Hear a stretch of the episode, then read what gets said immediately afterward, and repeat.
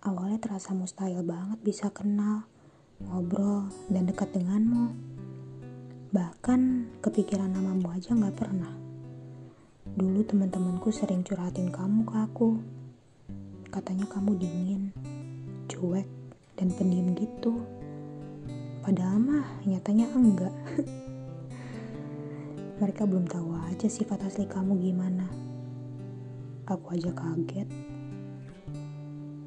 Jujur kalau inget masa-masa itu rasanya pengen banget balik lagi ke masa lalu. Tapi sayangnya nggak bisa.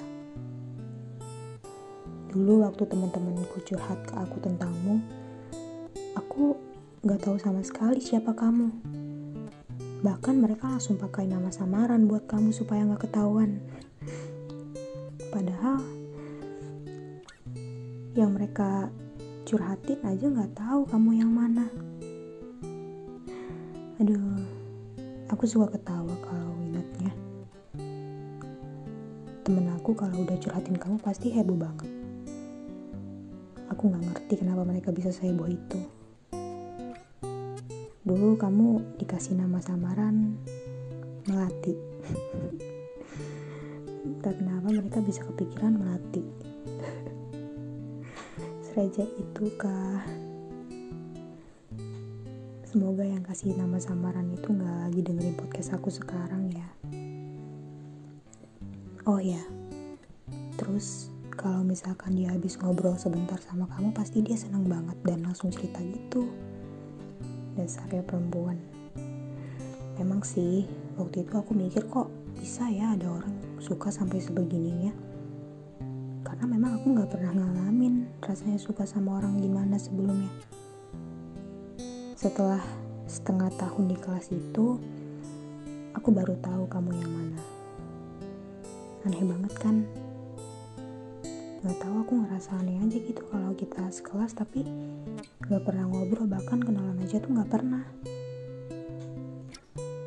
Namun setelah mengenalmu, aku merasa ternyata masih ada orang yang satu pemikiran atau satu frekuensi sama kayak aku di kelas ini aku juga seneng bisa ngobrol dan tawa bareng kamu waktu itu. Tapi ya aku cuma anggap kamu sebagai teman biasa aja, sama seperti teman cowok yang lain. Semakin lama aku mengenalmu, aku merasa nyaman berteman denganmu. Aku ngerasa cocok aja temenan sama kamu. Ternyata kamu beda banget sama cerita dari teman-teman aku. Asik banget. Aku gak nyangka kita bisa jadi teman dekat setelah lulus dari sekolah itu. Tapi sayangnya setelah kita lulus SMP, kita beda sekolah. Bahkan beda wilayah. Di pikiran aku juga waktu itu kayaknya kita nggak akan bisa menghabiskan waktu bersama-sama lagi kalau keadaannya harus begini.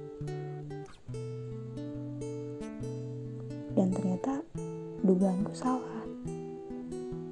Bahkan setelah lama aku gak komunikasi denganmu, kemudian pada akhirnya kita bisa komunikasi lagi.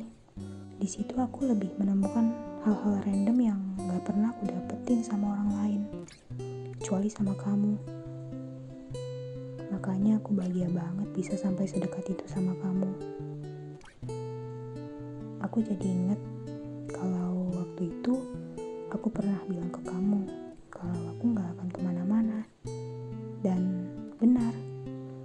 aku masih di sini, menunggumu. Karena aku tahu kamu yang terbaik untukku. Orang lain gak ada yang bisa gantiin posisi kamu di hati aku. Karena ada satu hal yang aku ingin kasih tahu ke kamu, bahwa aku sangat menyayangimu.